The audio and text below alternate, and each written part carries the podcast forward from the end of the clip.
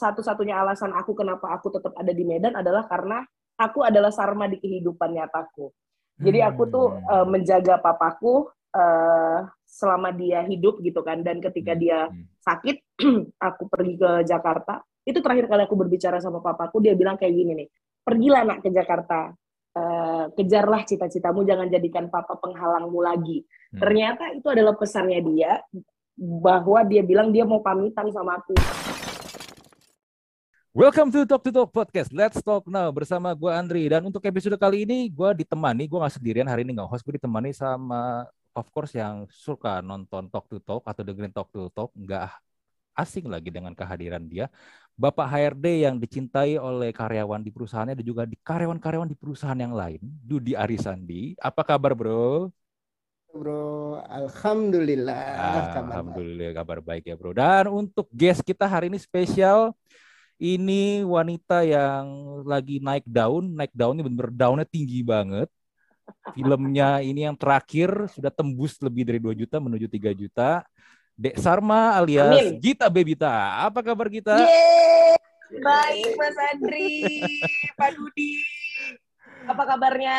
Ya kami semua baik-baik. Baik-baik. Thank you loh kita sudah bersedia loh mau sama-sama Mas Andri. Ngobrol Aku juga senang bisa ada di Talk to Talk. Nah, Gita, kita sih sebenarnya pengen dengar ceritanya Gita nih.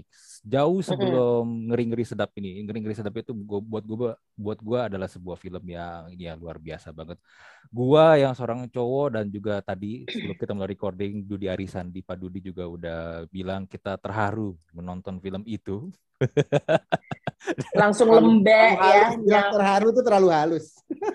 apa terlalu hal, terlalu puyo puyo kayaknya puyo puyo ya, apa? Puyo apa? banget. puding. Oke okay. kenyal kenyal ya.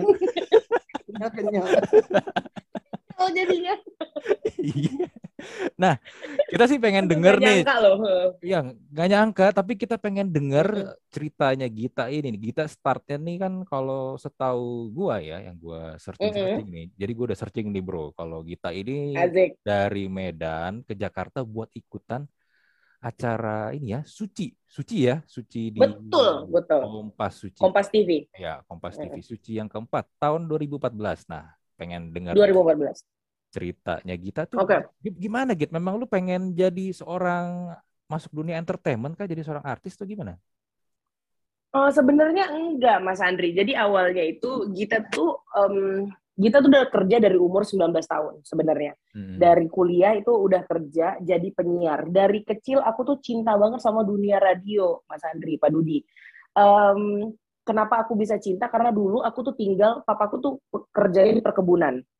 Dan um, satu-satunya hiburan kita dulu radio. Belum masuk tuh parabola, nonton TV 7, uh, Network itu belum ada. Jadi radio adalah satu-satunya hiburan kita. Nah, Gita tuh inget banget waktu masih SD, aku nggak, aku lupa apa kelas 1 atau kelas 2 bahkan, tapi bukan kelas 3. Aku dengerin radio dan ada acara request-request gitu.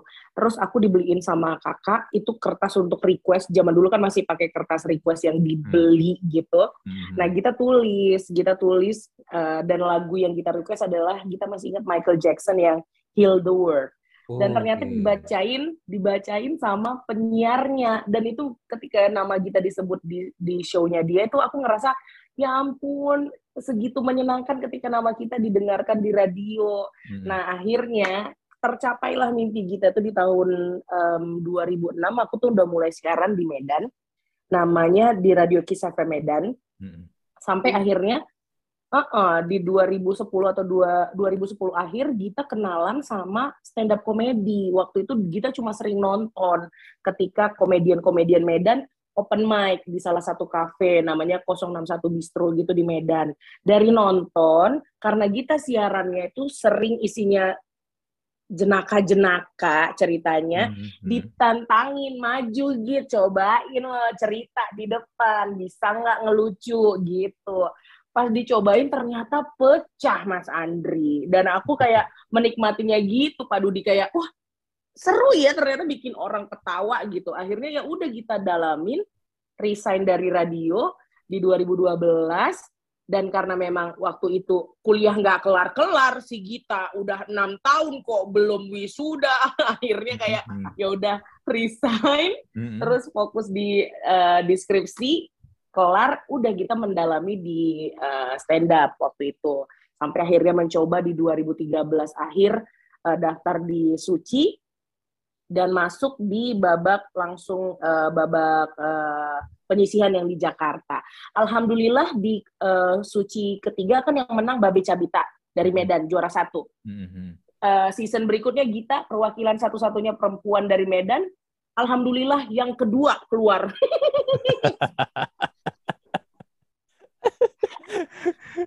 Cuma dua episode pertama doang nampilnya Mas Andri Pak Dudi. Oh, Sungguh iya, jomplang. Iya iya. Iya iya. iya. Malu men. Ah, dunia.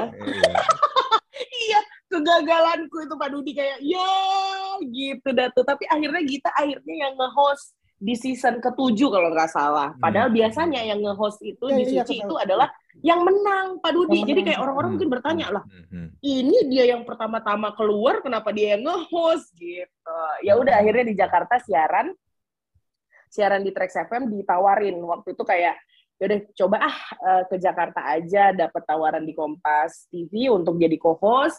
Terus pas lagi uh, nunggu-nunggu syuting eh ditawarin siaran juga di Trax FM akhirnya siaran di sana lima tahun. Dan di di antara siaran-siaran itu kita coba untuk syuting film. Bukan coba sih tapi diajakin gitu. Terus hmm. main teater semuanya kita cobain Mas Andri. Karena aku suka aku suka mencoba semua hal uh, baru gitu yang menantang Hmm. Suka banget aku tuh. Hmm, hmm, hmm. Gitu deh tuh. Sampai akhirnya ketemu sama Benedion dan teman-teman ngeri-ngeri sedap ya di salah satu film salah satu film maksudnya adalah film pertama Gita. Judulnya um, Comic Eight. Oke, okay, Comic oh. Iya iya iya iya. Uh, tapi menarik gini ya, kalau nih kan kalau Pak Dudi ini kan memang backgroundnya memang ini kerjaannya HR ya. Tapi kan tadi kan Gita sempat cerita uh-uh. nih, kalau Gita udah kerja di radio, lalu memutuskan uh -huh. resign, lanjutin kuliah, uh -huh. lalu coba-coba ke uh -huh. Jakarta. Nah, tapi kan secara ini ya, secara safety nih, kita ngomong secara uh -huh. safety kan sebenarnya kan nekat juga, ya nggak sih bro? Kayak gitu kan nekat ya. ya iya. Background apa kuliah kuliah apa tuh? Kuliahnya sosial politik, jurusannya kesejahteraan sosial. Nah, Sungguh tuh. nyambung kan Pak Dudi? Cita-citaku dulu per, pengen kerja di uh, eh, UN, masyarakat. Pak Dudi, di PBB, NGO. Oh, iya, oke. Gitu. Iya, iya, iya. Harusnya ini ya, lu ke, B, ke PBB tuh lu temenin apa dulu? Ke PBB? Iya, Butros-Butros Gali dulu tuh, sekjennya tuh. Aduh, Butros-Butros Gali. Tahu banget lagi aku. Eh. Iya iya iya iya. Ya. Nggak tahu tuh Benigno Aquino. Anak-anak sekarang kayaknya kurang tahu tuh. Tapi dulu tuh di buku pelajaran ada Butros-Butros Gali, makanya kita apa? Butros-Butros Gali. Iya, iya benar. Namanya soalnya keci ya Mas Andri ya. iya. Iya iya iya. Eh tapi kan gini kan, tapi gini bro, lu kan lihat ini ya, lihat kita kan dengan keputusan dia yang seperti itu. Menurut tuh gimana bro? Kan ya, ya kalau nekat ya nekat. Di satu sisi nekat tapi itu eh by the way kita sama-sama anak perkebunan rupanya. Ada kesamaan kita. Oh iya Pak Dudi. perkebunan okay. seumur hidup. Anak-anak perkebunan. Anak Dulu, kebun ternyata di kita. Terakhir di Bengkulu. Oh oke. Okay. nah, gini Andri gitu. Kalau aku ngelihat gitu ini orang kan mengejar mimpi gitu ya. Hmm. aku tuh percaya sama satu dan ini aku sering ngomongin ke banyak orang kalau you got what you think you got hmm. what you kalau lu pengen sesuatu ke keinginanmu itu kuat ada usaha yang kuat kenekatan apa pun bisa dilewatin jadi tuh. Pasti kejadian ya, Pak ada tangan-tangan yang maha kuasa lah ya di sana. Tapi uh, uh, uh. kalau pengen sesuatu terus nggak usaha, nggak mencoba apa namanya uh, mau ngewujudin apa yang sebenarnya. Kan kalau eh, kita tuh sebenarnya pengen ngewujudin dari awal tuh itu kan mimpi dari kecil loh untuk hmm. bisa jadi penyiar sesimpel ternyata bisa bahagiain orang hmm. dari membacakan pesannya orang yes. gitu ya. Itu yes. kan membahagiakan orang. Iya, iya. Dan karena keasikan sampai 14 semester nggak gitu? Enggak. Um, 12. Oh, 12. 12. Jujur deh. Nah, karena keasikan hmm. gitu. Tapi aku nggak mau ya bahwa aku selalu bilang kan di sesi hmm. sebelumnya gue bilang hmm. bahwa kuliah itu sebenarnya mengajarkan logika berpikir. Iya, benar, benar. Nah, uh, aku orang matematika jatuhnya di HR, harusnya hmm. jadi guru matematik atau dosen matematik atau apa, mungkin aktuaris dan sebagainya. Kita juga mungkin sama gitu ya. Dari awal mungkin pengen jadi uh, kerja di UN, di NGO gitu hmm. ya. Betul. Tapi ada sesuatu yang membuat kayak panggilan gitu atau passion lah kalau kata anak sekarang itu udah muncul sebenarnya terus kan harus menyelesaikan kuliah gue selesaiin aja tapi nggak dikejar lagi tuh habis itu nggak ngejar lagi si KS-nya tadi tuh hmm. kesejahteraan iya, sosial iya iya iya bener aku menurut aku sih itu sesuatu kayak ngejar passionnya tapi jadi duit kan itu yang keren Iya, benar, benar. Tapi tapi gini loh, tadi kan juga kita cerita ya di mm -mm. hanya sampai minggu kedua doang, abis itu kan out. Nah itu gimana gitu lu? Iya. Lu udah antisipasi itu kah atau lu jadi kecewa atau gimana? Jadi tuh sebenarnya ini ada sesuatu yang nggak bisa, eh nggak aku ceritain. Jadi hmm. sebenarnya ketika aku um, closing mic itu tereliminasi di minggu kedua itu tidak hanya karena aku kalah aja yang bikin aku drop. Jadi hmm. setelah aku um, setelah aku close mic, tiga hari kemudian papaku meninggal. Oh, jadi okay. tuh jadi ketika aku lagi di karantina, papaku tuh lagi berjuang untuk hidupnya dan uh, syukurnya sebelum aku karantina aku udah sangat puas merawat papaku di rumah sakit. Dan satu-satunya alasan aku kenapa aku tetap ada di Medan adalah karena aku adalah sarma di kehidupan nyataku.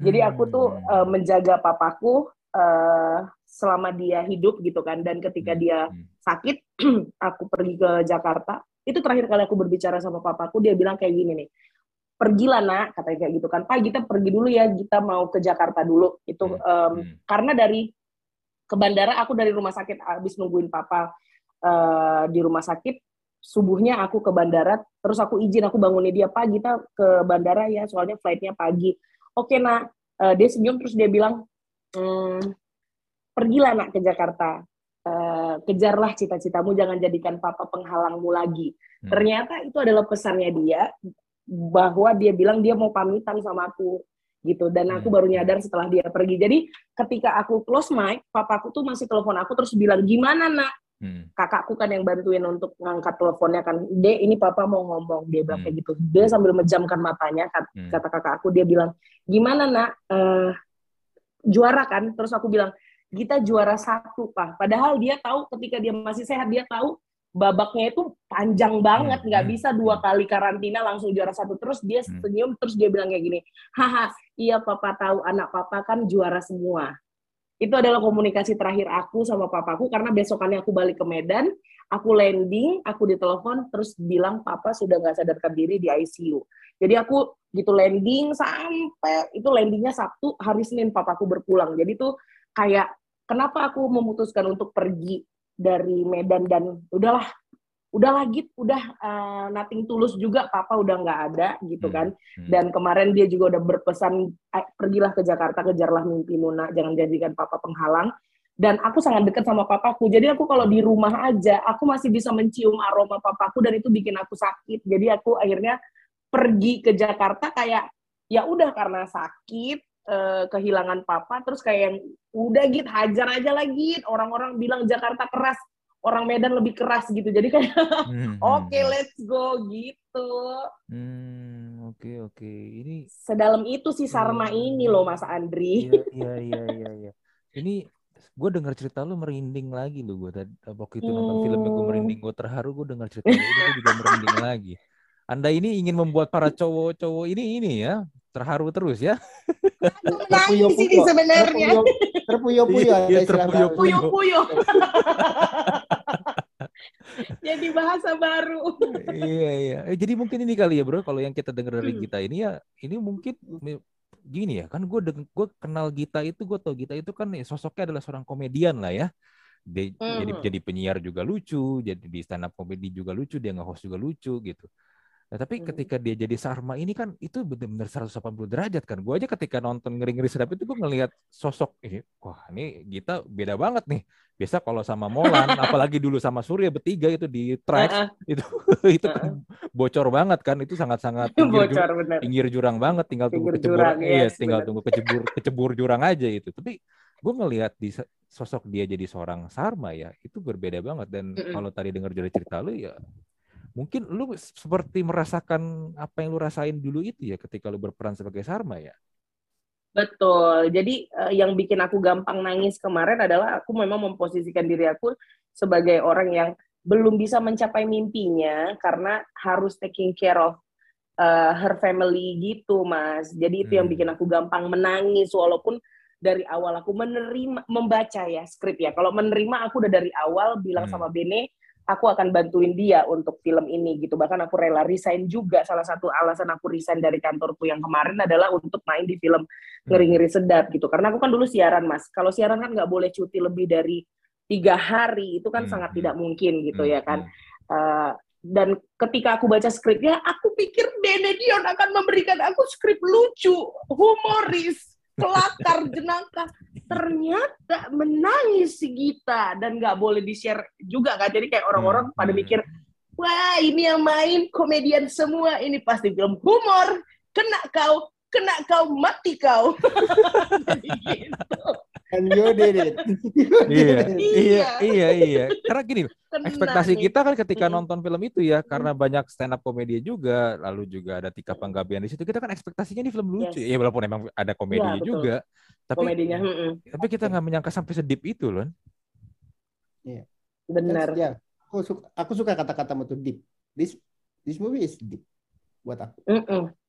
Terutama buat Padahal, orang yang memang simple. Ya, mm-hmm. ya simple, simple. Karena when you touch family things gitu ya, apalagi ini relate banget dengan kehidupan hustle culture yang banyak di tempat kerja sekarang kan, gitu ya. Hmm. Di mana hmm. orang mungkin lebih fokus sama kerjaannya dibanding sama hal-hal yang hmm. sebenarnya jauh lebih penting gitu, keluarga. Iya, keluarga. As simple as that. Dan orang ketika hmm. udah disentuh ke situ, udah Uyo. Uyo, Uyo banget kita tuh. Iya, iya, iya, iya, iya, iya. Aduh, ya tapi bagus sih. Ya gini ya, uh, gue kan waktu itu nonton sama istri gue ya, uh, for information. Mm -hmm. Istri gue lagi di sebelah gue, dia juga lagi dengerin recording ini. Okay. Oh dia mewek, dia mewek banget, asli. Dia dia mewek banget karena juga kalau buat dia film-film yang ini ya, yang tema-temanya family gitu itu sangat, keluarga. Ya sangat sangat menyentuh dia banget gitu. Dan dia juga bilang, apa lu bilang filmnya bagus kan? Iya dia ngangguk-ngangguk tuh kita filmnya bagus gitu gitu. Oh, iya, iya, iya, oke. Thank you loh. Thank you udah nonton. iya iya. Nah tapi gini bro, ada fakta yang menarik nih ya. Gue kemarin baca-baca searching-searching nih ternyata Gita tuh masuk IGD pas lagi syuting ring sedap nih bro. Nah itu gimana gitu ceritanya? Lu syuting masuk IGD gara-gara katanya masuk angin. masuk angin. Jadi kan itu kampung malu kali kok ini itu kan kampungku ya Mas Andri Pak Dudi kan. hmm. kan itu kan kampungku tuh Danau Toba itu bahkan di rumah rumah yang kita pakai untuk syuting di seberangnya itu langsung kampung butar-butar aku juga oh. baru tahu aku nggak hmm. pernah ke sana hmm. uh -uh. terus pas datang itu kita landing nah namanya kan uh, bandara um, Silangit ya hmm. di Siborong-borong nama kotanya terus pas kita datang itu kayak lagi lagi landing di Eropa. Karena ketika kita keluar dari pesawat itu kita bernafas itu langsung ngeluarin uap dingin gitu loh Mas Andri hmm. Pak Dudi. Hmm. beneran kayak ah ini di mana sih kita? Gitu kan. Saking kan di atasnya dan dingin. Kadang ada beberapa hari di mana uh, apanya suhunya itu di bawah 20 derajat. Jadi bisa bayangin dinginnya kayak apa. Sementara kalau dilihat di film kan terlihat bajunya sangat menantang mau dingin hmm. ya kan cuma hmm. satu lapis. Kadang-kadang kasihan wardrobe-nya dikasih datu kita kardigan yang iya. kayak nggak akan nutupin apa pun juga gitu kan. Hmm. hmm. Nah, jadi satu masa mm -mm, kita lagi uh, oke, okay, ada uh, ini nih pas di pas di bagian uh, Gita ngobrol sama Boris kan ada tuh yang di tangga dek gimana kerjaanmu oh, itu iya. ada tuh yang yeah, yeah, kita yeah, ngomong yeah, berdua yeah. aja hmm. itu tuh sumbernya itu kan malam banget itu di take di jam 11 atau jam 12 hmm. itu tuh sebenarnya kayak kita diem itu bukan karena apa-apa itu udah masuk angin banget jadi kayak besokannya besokannya kita lagi nunggu take terus kayak um, ah ke kamar mandi deh gitu keluar dari kamar mandi mas kita tuh ngerasa pas bangkit itu keringet dinginnya tuh udah kayak jagung, udah jagung hmm. hawa yang kayak, hmm. Git kau mandi sampai ditanya kayak gitu sama makeup artisnya, kok mandi nggak bilang-bilang kan ngerusuhin makeup gitu kan, terus hmm. enggak enggak tolong panggil, kok tolong panggil ini uh, bagian kesehatan kayaknya aku serangan jantung si Gita mulutnya kan gampang banget tuh serangan jantung. Amit amit amit amit. amit. Semuanya pada hmm. amburadul kayak langsung di hati kan kita kita kita serangan jantung katanya hmm, hmm. terus uh, lain produsernya langsung kayak bawa langsung bawa mobil mobil terdekat untung banget di tempat kita nunggu tuh memang ada selalu standby mobil karena kan di sana antar rumah itu jauh banget mas hmm. rumah itu hanya untuk bikin uh, tempat syutingnya, kita tuh numpang ke rumah warga yang lain yang sedikit jauh dari lokasi kita untuk jadi base camp. Nah, kita lagi di base camp itu. Jadi, kita dari base camp melewati tempat syuting, ya kan, terus sampai ke kotanya, itu yang biasanya normalnya itu 30 sampai 45 menit, Mas. Karena kan itu hmm. benar-benar pinggir danau. Hmm. Mohon maaf ya, kan benar-benar kayak tikungan tajam. Alhamdulillah pada malam itu kita IGD 15 menit udah nyampe di pusat kota sampai kita bilang ke supirnya pas udah pulang kita bilang kayak gini Pak hmm. jangan sampai kita datang ke IGD karena masalah lambung pula uh, jatuhnya uh, kayak kecelakaan nih Pak. Terguling-guling nih mobil kita. Jangan gini 15 menit. Kan takut. Dan nyampe di IGD dokternya langsung kayak kenapa nih? Iya tadi perutnya sakit terus keringet dingin gitu dok. Terus dia bilang gini kau bukan orang sini ya katanya hmm. bukan dok ini namanya masuk angin ya lain kali kamu pakai jaket udah sopra bilang jantung rumahnya masuk angin Aduh, ternyata gitu ini deh. Ya, penyakit yang pada umum ya masuk angin. Nggak usah khawatir lah. Iya, Nggak usah khawatir. Kalau di Indonesia. Kenapa Pak Dodi? Apa pun. Uh -uh isinya adalah tolak angin. tolak angin. Iya. Dan teh panas, Pak Dudi, jangan lupa. iya, benar, benar. benar itu dia tuh. iya, iya. Eh tapi gini loh, menarik kayak gini. Tadi kan Pak Dudi sempat ini ya share tentang hustle hustle. Ya. Ini kita hustle nih. Hustle sampai IGD loh. IGD loh demi film loh. Tapi ya itulah pekerja ini kan. Kalau pekerja orang tuh sering ngelihat enak ya kehidupannya mereka hmm. gitu ya. Hmm. But aku realize lah karena beberapa Raffi gitu kan kita gitu. Hmm. Uh, ya energi yang dikeluarkan juga banyak loh, Ndri. Hmm. Jadi orang nggak tahu aja di belakang. Ya pasti kita sampai hari ini tadi kan kita ya akhirnya jadi tahu kan perjuangan dia. Hmm. Hmm. Apalagi sakit, hal, hal kayak gitu ya. Terus Betul. berani kalau orang Medan percayalah terbang ke ke mana aja mereka tuh gitu ya. Jadi banteng di perantauan walaupun kambing di kampung sendiri, ya kan Pak Dudi? Yes. Iya. Iya. Iya, iya. iya. Eh tapi gini nih, yang juga gue perhatiin ya kan di film itu kan di film ngeri ngeri sedap itu kan dikasih ini ya ada beberapa I don't know itu mungkin beberapa fakta kali ya yang disampaikan sama saudara si siapa Benedion ya Kan kalau, ya, hmm. kalau Boris kan Boris itu jadi domu ya anak pertama kan ya yang yeah. mau, yang mau merit sama orang yang bukan Batak. Sunda. Ya, mm -hmm. orang orang Sunda. Lalu di Sarma kan, Sarma anak ce anak cewek mm -hmm. waktu itu kan jadi di situ jadi PNS kan dan sebenarnya juga sama kan. Mm -hmm. Sebenarnya juga udah punya pacar tapi sebenarnya juga bukan orang Batak kan itu baru baru, baru ketahuan terakhir-terakhir. Lalu mm-hmm. juga ada ada anak ketiga yang jadi ini ya di dunia entertainment. Lalu anak terakhir yang katanya harusnya itu menemani orang tua. Tuanya. Yang, ya, yes. yang yang yang bukan ini ya, yang bukan justru malah merantau. Jegel, jegel. Ya, ya, mm-hmm. ya, yang di, ya diperankan sama Indra Jegel. Nah, itu fakta-fakta itu benar ya memang ya kalau di keluarga Batak kayak begitu. Iya, seperti itu memang Mas Andri. Jadi memang kalau anak pertama emang tugasnya untuk merantau, karena hmm. dialah yang nanti yang akan membantu orang tuanya untuk membantu adik-adiknya mencapai mimpinya untuk pernikahan anak uh, adik perempuannya kan dia akan ngebantuin biayanya hmm. pendidikan adik-adiknya itu akan menjadi tanggung jawab anak pertama hmm. biasanya seperti itu dan yang berat sih itu sih anak pertama dengan anak terakhir karena anak terakhir apalagi laki-laki biasanya karena abang-abangnya sudah merantau hmm. dia secara tidak tidak tersurat ya. Uh, jadi memang udah udah tahu sama tahu aja lah. Dia lah yang harus di kampung aja ngerawat orang tuanya. Karena memang ya udah abangmu semuanya udah pada pergi merantau untuk ngebiayain kau kuliah juga. Kan kemarin sekarang waktunya kau mengabdi nih untuk keluargamu. Hmm, hmm, hmm. kan kemarin kau abang-abangmu uh, kau ada di sini dengan posisi seperti sekarang ini kan karena abangmu tuh yang kerja keras kemarin. Hmm. sekarang giliran kau nih untuk yang uh, mengabdi ke keluarga ngelindungi keluarga tuh mama papa ngerawatnya gitu hmm. Hmm. Hmm. Anak perempuan juga kayak gitu tuh, secara nggak perlu dikasih tahu sama, sama di kehidupan asliku, papaku dan mamaku tuh nggak pernah bilang Gita, Gita anak terakhir perempuan harus di Medan aja ya nak nggak pernah kayak gitu tapi karena aku melihat di keluargaku budaya seperti itu jadi aku secara tidak sadar udah ter uh, terprogram kalau akulah yang akan menjadi uh, teman papa dan mamaku hmm. di Medan aja begitu hmm memang Yo. seperti itu mas tapi kenyataannya lu malah merantau kan hmm, nah itu dia uh, karena mamaku juga akhirnya pada saat itu kemarin kakakku alhamdulillah dipindah tugaskan ke Medan jadinya hmm. mamaku jadi ada yang nemenin hmm. makanya aku possible untuk pergi kalau kakakku kemarin gak nemenin mungkin aku tetap akan di Medan aja sih ngerawat mamaku oh gitu iya iya, iya. Mm -mm. Hmm. Memang udah cantik ya garis Tuhan itu memang luar biasa iya. ya. Aku baru mau Terbaik. bilang itu.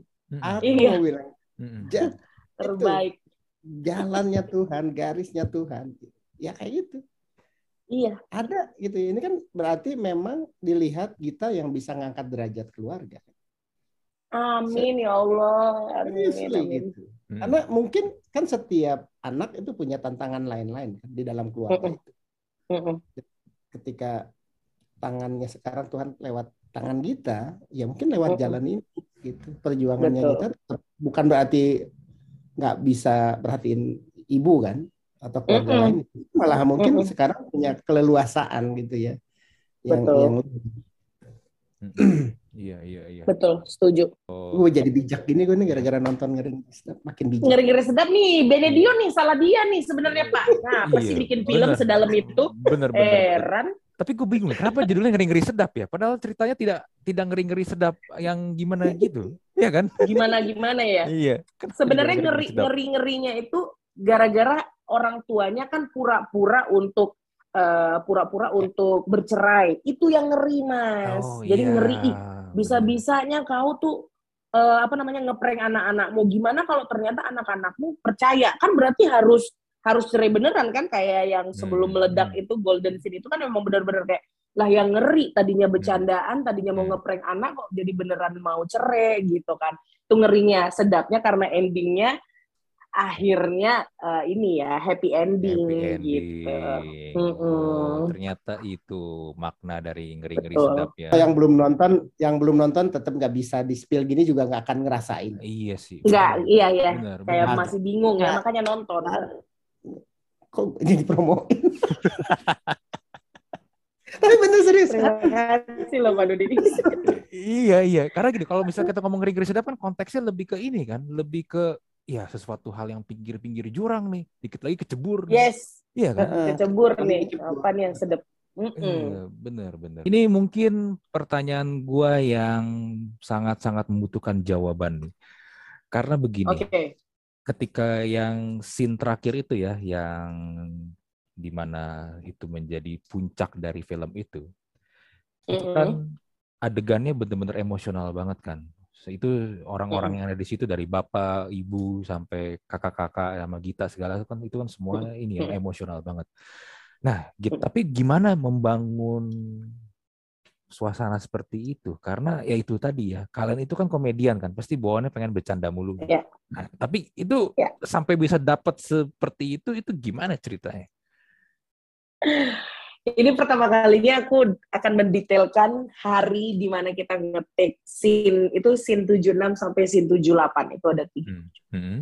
tiga scene berarti ya mas di situ dari mulai meja makan sampai akhirnya bapak pergi hmm. ya karena itu di take hanya di uh, satu hari itu kita hanya ngetik untuk scene itu doang mas di hmm. mana lain-lain hari itu kita ngetik dalam satu hari kan banyak banget scene-nya hmm. gitu kan hmm. tapi khusus untuk hari itu kita hanya ngetik untuk scene itu kalau kita nggak salah ingat hmm. nah dari malam sebelumnya sebenarnya di, di, di waktu pada saat reading uh, proses reading itu kita sangat mendalami tuh tapi somehow belum dapat karena kita banyakkan bercandanya jujur aja ketika reading itu kita banyak bercandanya ya namanya main sama temen gimana sih? Kan pasti bercanda bercanda bercanda gitu kan. Mm-hmm. uh, dan mulai dan di di Jakarta juga kita di uh, blocking udah blocking uh, posisi dengan posisi kamera. Jadi kita latihannya memang barengan sama DOP-nya emang sama uh, kameramen semuanya. Udah udah memantapkan posisi-posisi kita. Tapi untuk baru kelihatan nyatanya sehari sebelum kita ngetik scene itu mas. Jadi di grup itu Gita Lolo Jegel sama Boris dan mama dan bapak udah kayak ih besok lagi nih ih besok nih gimana nih apa nih hmm. yang harus kita lakukan hmm. kalau nggak salah bapak sama mama tuh kalau nggak salah ngomong kayak udah kita serahkan aja sama Tuhan dan dan leluhur kita di tanah ini gitu kan ceritanya. Hmm. kita nggak bisa tidur tuh malam malamnya itu kita kebangun kalau nggak salah jam 3 gitu kan dan kita masih belajar uh, apanya uh, skrip Gita gitu kan dialognya Gita karena kan panjang tuh Gita yeah. kan panjang banget tuh dialognya iya, nggak yeah, berhenti berhenti yeah. gitu kan um, sampai nggak bisa tidur dan biasanya kita tuh bangun kita callingan tuh jam 6 pagi gitu kan sebelum kita berangkat ke lokasi itu kita akan sarapan di depan karena kamar kita berderet gitu kan ditempatkan dan kita akan makan entah di depan kamar kita atau di depan kamarnya Lolo biasanya. Hmm. kita ngopi kita ketawa-ketawa dulu kita ngeteh apa segala macam. Tapi hari itu kita nggak ada yang keluar kamar.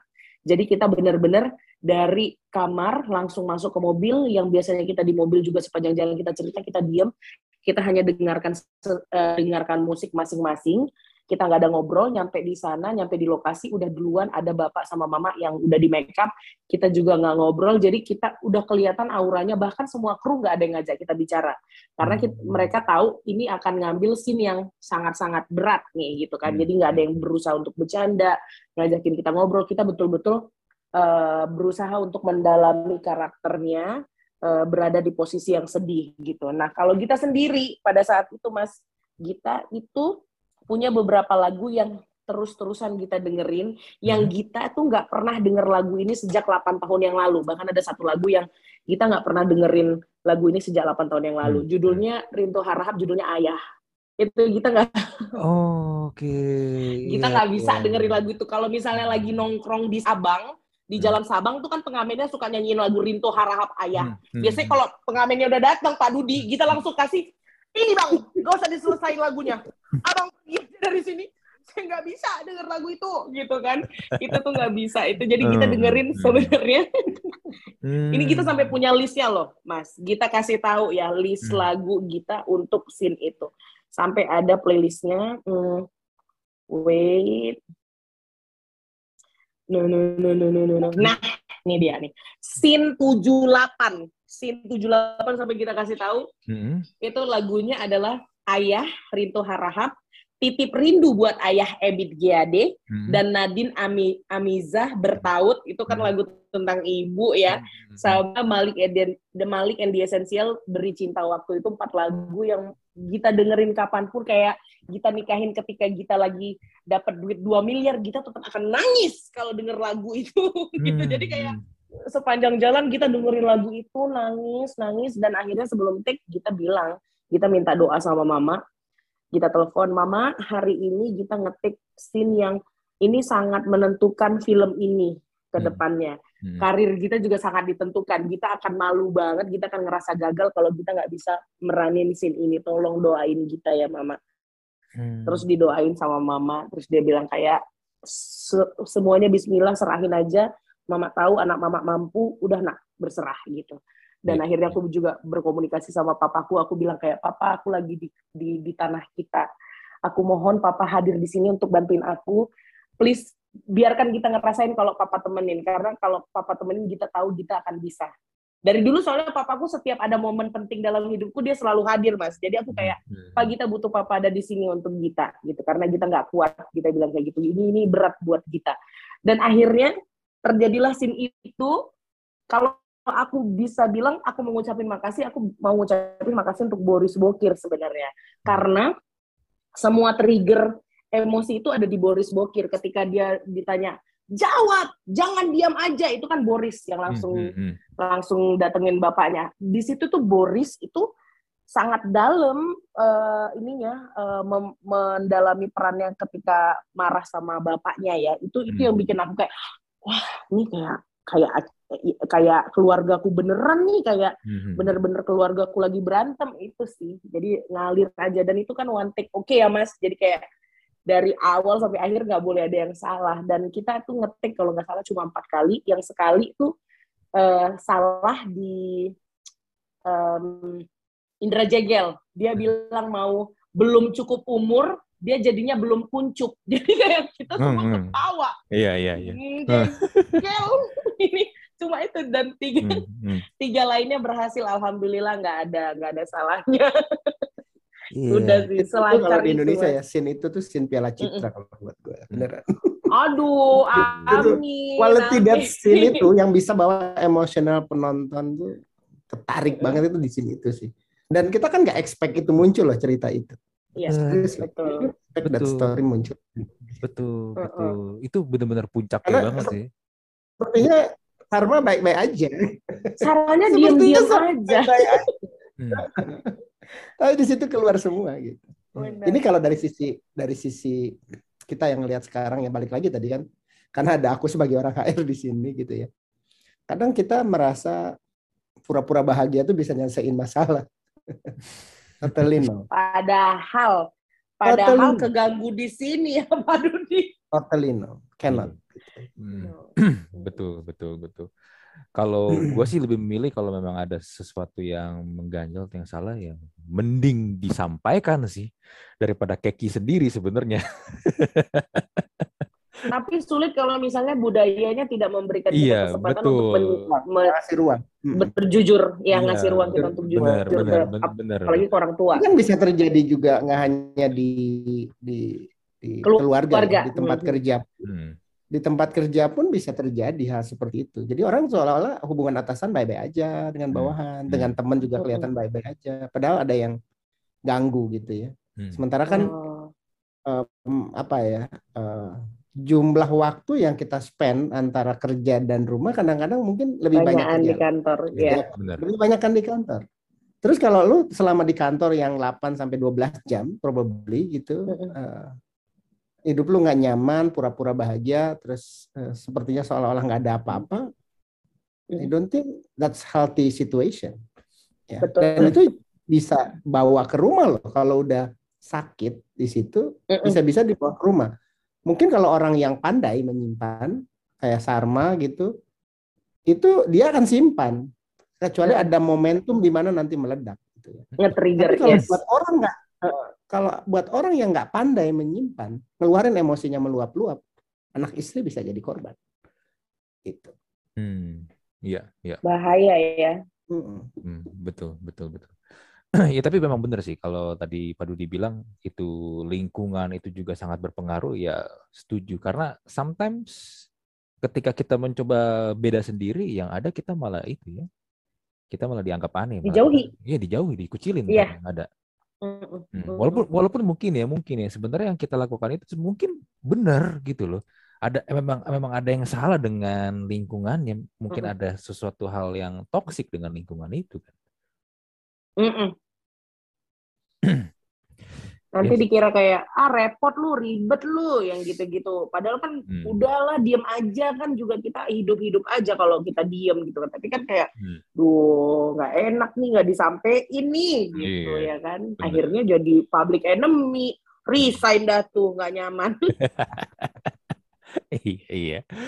Nah, untuk kita sendiri nih sekarang kan mulai siaran lagi ya sama Molan ya di yes sore, sore ya masih belum ketemu kan namanya setahu gua. iya sebelum masih nyari nama baru. Masih ganti nama nyari nama baru karena nama sebelumnya itu adalah uh, nama dua penyiar yang sebelumnya yang betul. ini ya, yang yang ini ya udah udah nggak ini. Iya udah Jody dan Feki. Udah nggak relevan uh, lagi sama dua penyiar yang baru sekarang soalnya kalau untuk ini. Nah tapi gini Sarma, eh Sarma lagi gara-gara ngomong Sarma mulu gue jadi ingetnya Sarma nama lu. nggak apa-apa, Sarma Purba masih bisa relate. nah, tapi gini gitu, ya, lu selain nanti sekarang siaran lagi uh, film kan ya gue yakin film ini harusnya bisa lah tembus 3 juta lah ya. Uh, lu ada planning apa lagi nih untuk untuk ke depannya nih? Nah, masalahnya Mas, aku tuh tipikal orang yang sangat fokus. Kalau aku lagi hmm. kayak gini nih, dari dulu aku selalu bilang sama manajer aku, aku bilang kayak, hmm. tahun depan aku mau fokus ngambil acara TV. Aku hmm. akan siaran sama acara TV doang. Hmm. Nah, terus kayak tahun depannya aku mau fokus ngambil teater aja. Jadi aku cuma ngambil teater doang. Hmm. Nah, kemarin aku memper, uh, aku resign dari uh, dari kantor karena aku mau mencoba banyak ngambil syuting jadi aku syuting untuk um, series juga kemarin di Vision Plus, hmm. terus juga film. Itu aku udah puas, apalagi Corona kan. Jadi kayak udah aku udah puas dengan dua tahun itu hmm. yang kemarin aku habiskan untuk layar perak bisa dibilang. Hmm. Nah sekarang aku akan kembali ke cinta pertama aku radio. Dan kalau aku udah bilang aku akan fokus di radio, aku akan tetap aku pengen ngebangun show aku di radio ini gitu. Aku nggak mau membagi hidupku dengan kayak gara-gara aku pengen cobain yang ini, jadinya aku nggak bisa fokus di radio. Jadi mungkin kalau Mas tanya sekarang, mm-hmm. apa planning kita? Aku pengen jadi penyiar yang bagus di Jak sorenya, ngebangun acara yang baru ini dengan nama yang baru juga sama Mohan. Mm. Dan setelah itu nanti mungkin tahun depan aku punya fokus yang lain, tapi aku setiap tahun fokusku beda-beda, Mas. Jadi kalau untuk tahun ini aku masih fokus di radio aja. Hmm, okay. Walaupun tawaran film, alhamdulillah ya kayak sebulan ini ada aja tuh yang hmm. uh, tawaran-tawaran film untuk hmm. ayo git syuting lagi, udah mulai kayak ditanyain kita mau nggak cobain main di sini, sini, sini, sini. Hmm. aku kayak, aduh, ada ini lagi nih uh, baby baru aku, show aku yang kayak butuh banget perhatian aku 100% di sini gitu. Aku nggak mau setengah-setengah soalnya takut nanti kecewain orang. Hmm. Gitu. Ini iya iya iya. Ini berarti ini bro ya tipe karyawan yang fokus nih. Ini fokus ya. Gak multitasking. Nggak, ada nggak apa-apa. Itu fokus sama dia challenge herself itu untuk target yang menantang di tiap di setiap periode gitu. Hmm, hmm, hmm. Jadi uh, sama kalau kita bicara di tempat kerja, yang bisa membunuh rutinitas kita adalah challenge yourself. Tantang diri sendiri untuk lakukan hal-hal yes. yang hal-hal yang membuatmu excited gitu. Can be yeah, something bener. yang sesuatu yang memang kamu lagi cari di, udah pernah dilakukan di masa lalu atau sesuatu yang pengen dicapai di masa depan. Betul. Bisa begitu sebetulnya. Tapi yang penting tetap mampir-mampir kan gitu ke Barito 2 ya.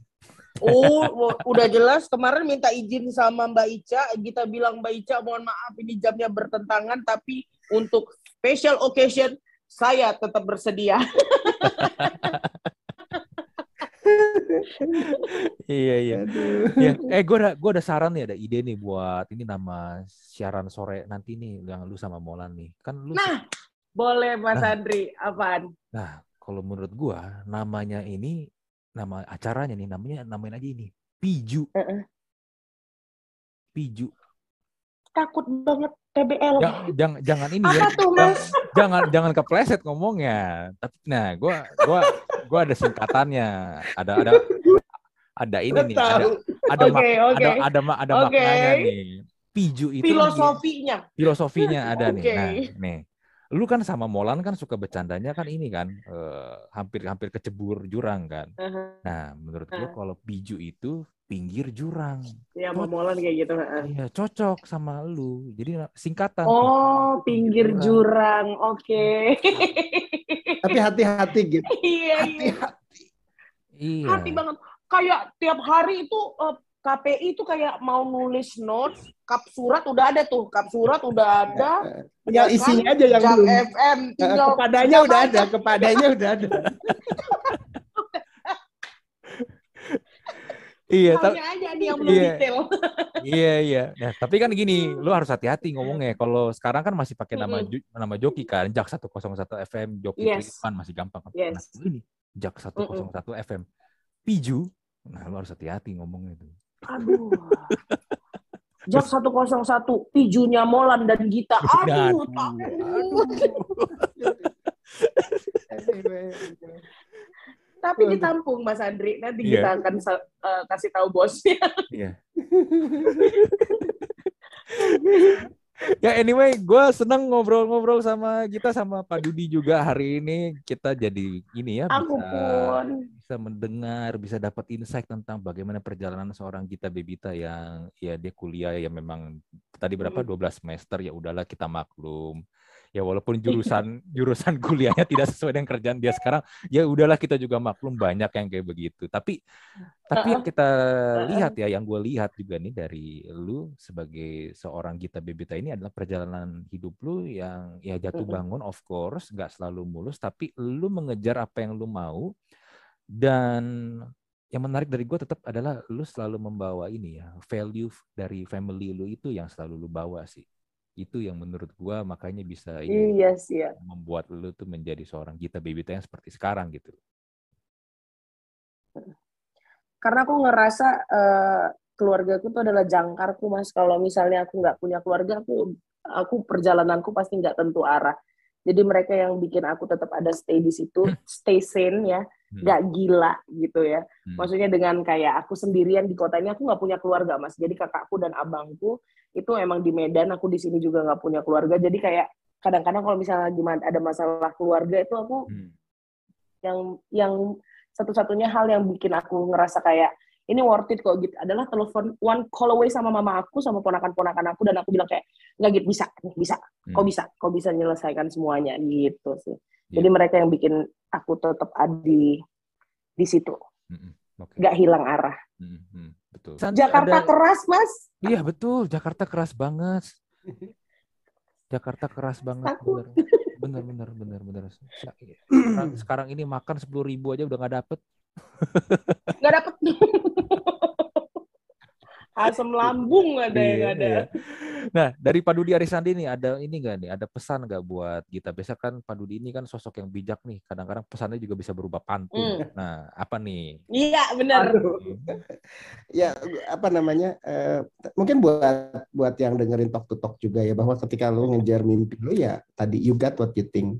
Hmm. Uh, percaya lu harus harus harus apa ya kalau harus yakin betul dan ada aksi gitu untuk bisa mewujudkan mimpi tadi gitu. Uh, dan saya yakin gini, kita semua sama nih dikasih waktu satu hari itu 24 jam. Kita nggak dikasih bonus 25 enggak. 24. Saya 24. Kamu Ndri juga 24. Mm. So balik lagi gimana kita manfaatin waktu tadi gitu. Yang 24 jam dan yang 24 jam udah lewat itu nggak bisa balik lagi. Kita ntar yang kemarin aku pengen balik lagi ke jam yeah. Iya. 8 kemarin deh gitu supaya bisa nggak bisa. Hmm. Jadi tergantung gimana kita manfaatin waktu itu supaya kita mampu meng, apa namanya mewujudkan apa yang kita pengen. Ya, dan apa yang kita pengen di generasi sekarang juga kan setiap orang tuh excitementnya tuh suka berubah juga. Itu bukan sesuatu yang salah buat gue sepanjang tujuan besarnya tetap lu harus punya. Yang sering nggak jelas adalah ketika tujuan besarnya tuh nggak ada. Hmm tujuan besarnya apa sih sebetulnya? Sesimpel misalnya mau nunjukin satu buat keluarga bahwa ini yang yang uh, kita aku pengen lakuin misalnya atau gua hmm. pengen jadi yang terbaik as a, as a penyiar misalnya. Hmm. Itu kan hmm. tujuan besar. Caranya kan bisa ya. lewat banyak hal. Dengan keberhasilan di film itu, terus sekarang punya show baru, show baru ini bakal bakal ramen, gitu. Itu kan Amin. ekspektasi Amin. akan begitu. Ya. Pesan aku itu aja. Tapi buat kita jangan merasa sendiri karena uh, beli tiket buat ke pulau sarapannya telur dadar. Cakep. Buat kita yang lagi galau ada pundak padudi buat bersandar. nah tuh kan bener kenapa gitu Mas Andri. Itu pantun lu baru pikirin. Udah, udah tadi lu pikirin atau lu udah siapin dari sebelum sebelumnya atau pas tadi lu lagi ngomong sambil oh. pikir pantunnya apa nih? Apa nih? Apa nih? Hah? sambil ngomong tadi sambil mikir walaupun itu sebenarnya beberapa kali sering dipakai lah. Oh, okay. template ya. Iya, cuman iya, iya. cuman Tapi ya di, sedikit lah. Iya, Oke, okay, iya. mantep. Mantep. Itu dibutuhkan sebuah talenta khusus sih untuk menciptakan pantun seperti itu sih. Iya. Kita payah banget urusan pantun. Indra Jegel ternyata penemu lawan ya ada Pak Dudi Arisandi di sini Indra iya. Hati-hati, Gel. Iya, bener-bener. Harusnya kalau ada rap battle ya, ini ada pantun battle nih sebenarnya nih. Kalau kita bikin kali ya acaranya. Battle. Yoi, yoi. Ya, but anyway, thank you ya buat kita, buat Pak Dudi ya sudah ngobrol-ngobrol di Talk to Talk. Mas Andri. Thank you banget. Pak Dudi, thank you. Thank you banget. Semoga ini ya apa yang kita bagikan di sini buat Anda yang dengerin, buat Anda yang nonton bisa ini ya dapat inspirasi lah dari cerita, terutama dari cerita Gita dan dari Amin. message dari Pak Dudi Arisandi tadi. Oke, gua close ya, untuk Talk to Talk podcast episode kali ini. Sekali lagi thank you buat Gita dan buat Pak Dudi Arisandi. Gua Andri. Kita thank you, mas. lagi di Talk to Talk podcast episode berikutnya. Bye.